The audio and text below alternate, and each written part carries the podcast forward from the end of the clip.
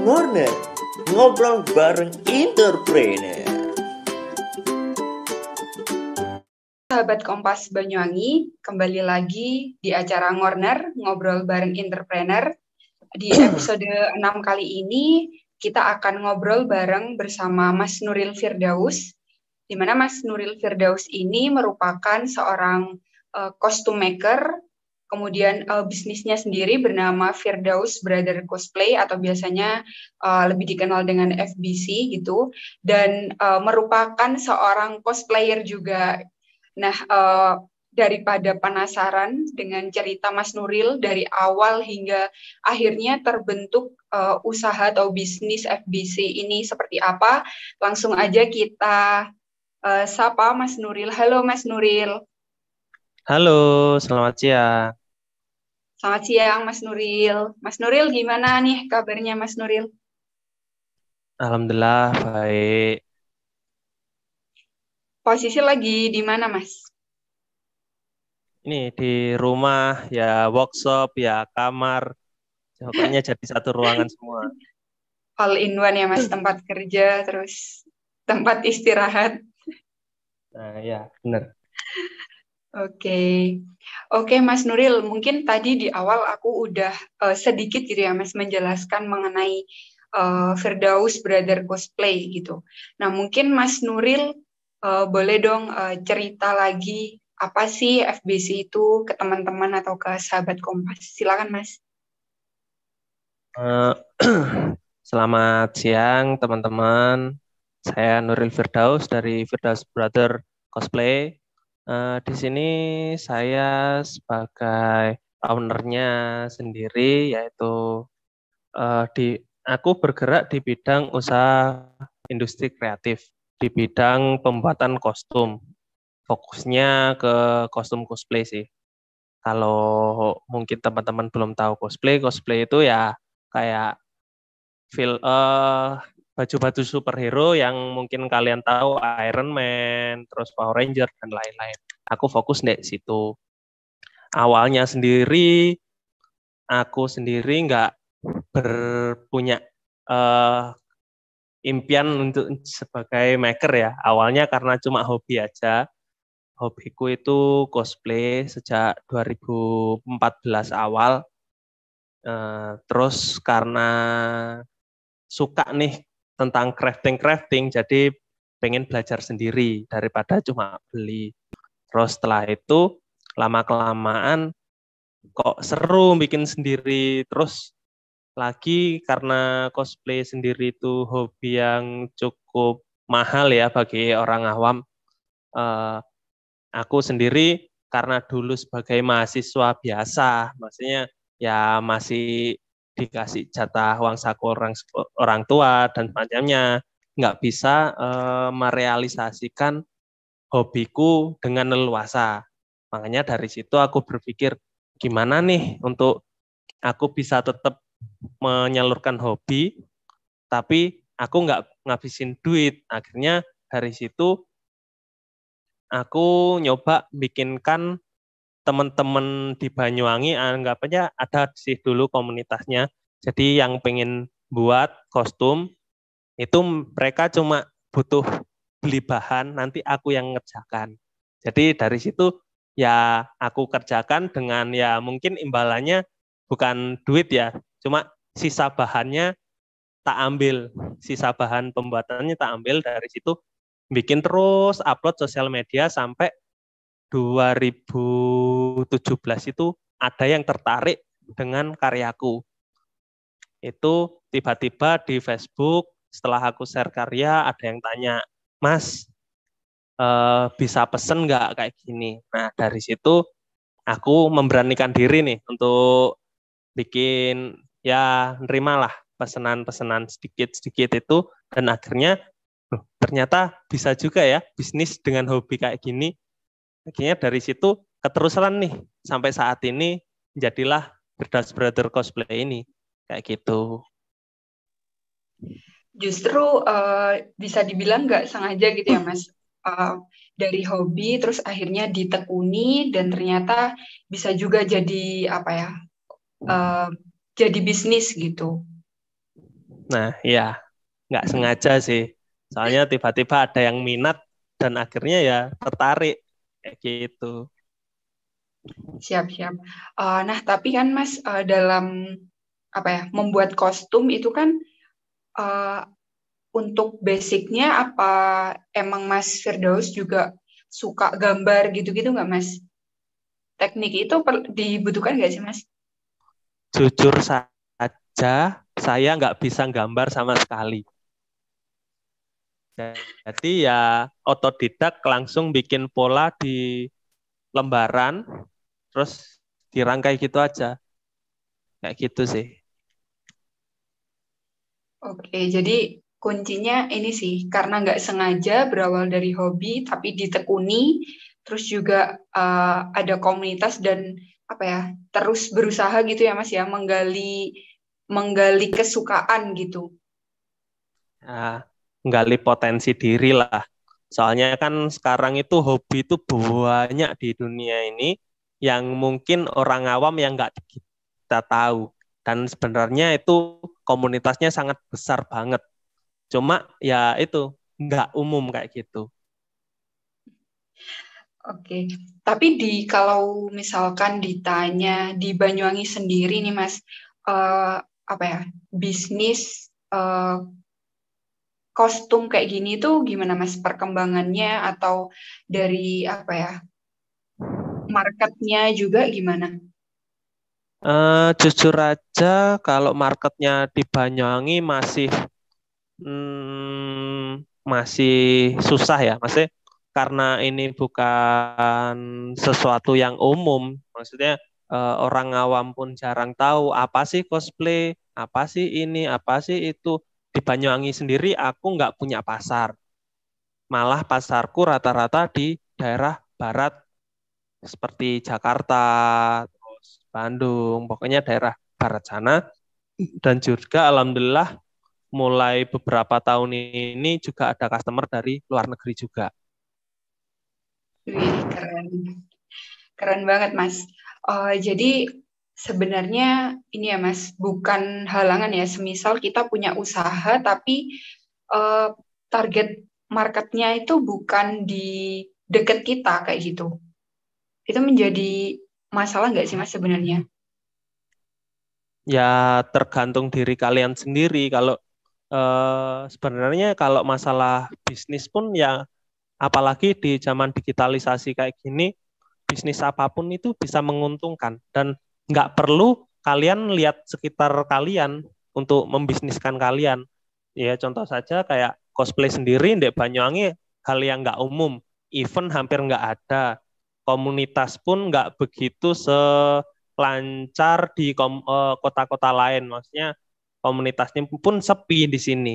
Jadi ya nggak menghalangi kalian untuk berkreasi atau berbisnis kalau emang niat kalian untuk mencari duit untuk itu.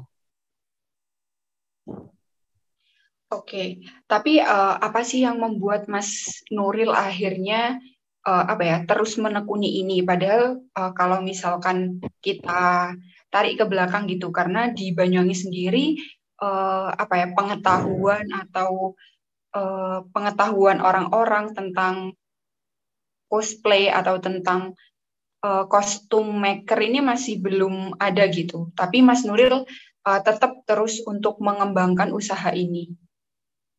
Kalau motivasi saya sendiri kalau di bidang cosplay itu sebenarnya pengen mewakili Indonesia di kejuaraan internasional. Itu tujuan utama saya. Uh, yang kedua sih saya malah ingin menciptakan ya cosplay itu berkembang di Banyuwangi. Jadi nggak harus nunggu vibe dulu, malah kita yang mengenalkan kayak gitu sih. Jadi bisa jadi uh, aku uh, kayak contoh aja aqua dulu kan air dalam kemasan buat apa sih? Gitu di gak diterima di masyarakat sampai akhirnya malah sekarang brand aqua adalah nomor satu di Indonesia. Maksudnya uh, apa pun mereknya, ya nyebutnya aqua padahal aqua kan merek. Pengenku sih seperti itu. Nah, pengen nyontoh yang seperti itu, tapi nggak tahu lagi ya nanti prosesnya kayak gimana. Dan juga aku ada planning tambahan untuk saat ini pingin memunculkan karakter-karakter eh, apa ya mengenalkan karakter-karakter sejarah pengen melakukan edukasi dengan cara modernisasi. Contohnya pengen jadikan film atau semacamnya. Jadi edukasi kepada anak-anak nih terutama tentang moral dan lain-lain dengan cara yang mereka suka. Kayak nonton film aksi atau semacamnya tapi diselipin dengan eh, pengetahuan-pengetahuan umum. Kayak kayak budi pekerti dan lain-lain. Yang notabene sekarang tontonan anak kecil hampir nggak ada. Kayak gitu. Siap keren banget. Semoga uh, cita-citanya dari FBC sendiri bisa tercapai gitu ya Mas Go internasional dengan membawa uh, apa kearifan lokal gitu ya karakter-karakter yang ada di Indonesia kayak gitu. Amin. amin amin. Uh, ini sih Mas, selama ini mungkin dari segi bisnis gitu ngomongin soal uh, kostum maker gitu untuk uh, apa ya strategi marketingnya sendiri yang sudah dilakukan itu seperti apa kayak gitu sih mas? Kalau strategi marketing sendiri sih aku nggak ada ya mbak. Soalnya ya itu aku tiap mengerjakan aku upload di sosial media kayak gitu aja sih. Belum memaksimalkan sosial media kayak dipakai uh, Facebook Ads, Google Ads, Instagram Ads kayak gitu. Soalnya saya sendiri saat ini ya kewalahan untuk memenuhi pasarnya yang untuk saya sendiri kayak gitu. Jadi kadang orderan bisa antri ya beberapa bulan sampai satu tahun kayak gitu sih.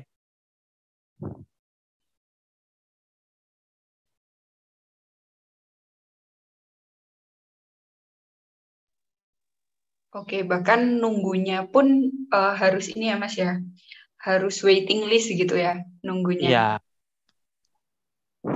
Oke. Okay.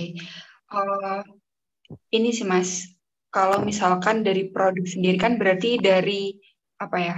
Dari pemiliknya gitu ya, membangun personal branding gitu. Kalau misalkan dari uh, Instagram uh, Mas Nuril sendiri gitu ya dengan mengunggah produk-produk uh, yang dibuat kayak gitu ya Mas. Berarti itu salah satu hal yang bisa uh, apa ya? Membuat calon customer itu tahu gitu produk-produknya Mas Nuril. Iya, benar. Oke, oke.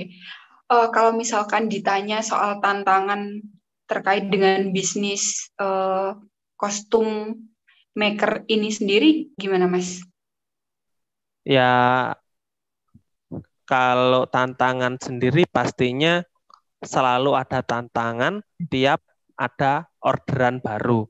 Karena sementara saat ini aku sistemnya pre-order dan customer itu punya selera cosplay yang berbeda-beda. Jadi tiap karakter kan ada biasanya pakai bahan apa, bahan apa, mungkin yang belum pernah aku pegang atau aku eh, coba pakai. Jadi harus coba pakai bahan itu lagi. Jadi lebih ke hampir tiap mengerjakan itu harus research and development kayak gitu sih. Tapi karena aku suka malah itunya yang aku cari. Tiap ada tantangan ya aku lakukan kayak gitu. Kostum yang aneh-aneh malah yang aku kerjakan kayak gitu. Jadi uh, apa ya ide-ide kreatifnya itu harus selalu ada gitu ya Mas ya untuk menunjang uh, bagusnya kostum gitu. Nah, bener banget.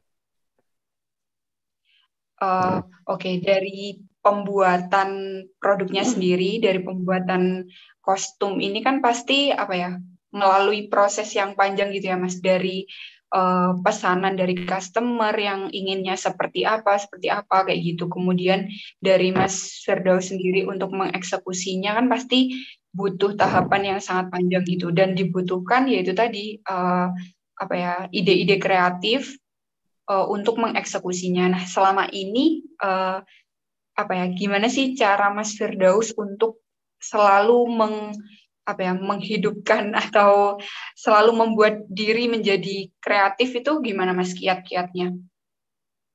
Ya pastinya satu eh, kita itu sekarang bukan zamannya lagi eh, bersaing secara nggak sehat. Maksudnya bersaing nggak sehat itu sesama maker kok saling menjatuhkan. Itu itu eh, bukan zamannya lagi. Sekarang itu waktunya untuk kolaborasi dan ya itu saling support antar eh, pengusaha Contoh nih, aku yang di Banyuwangi sendiri, yang notabene cosplayernya nggak ada, dan uh, makernya itu jarang sekali ada. Aku untuk berkembang itu gimana?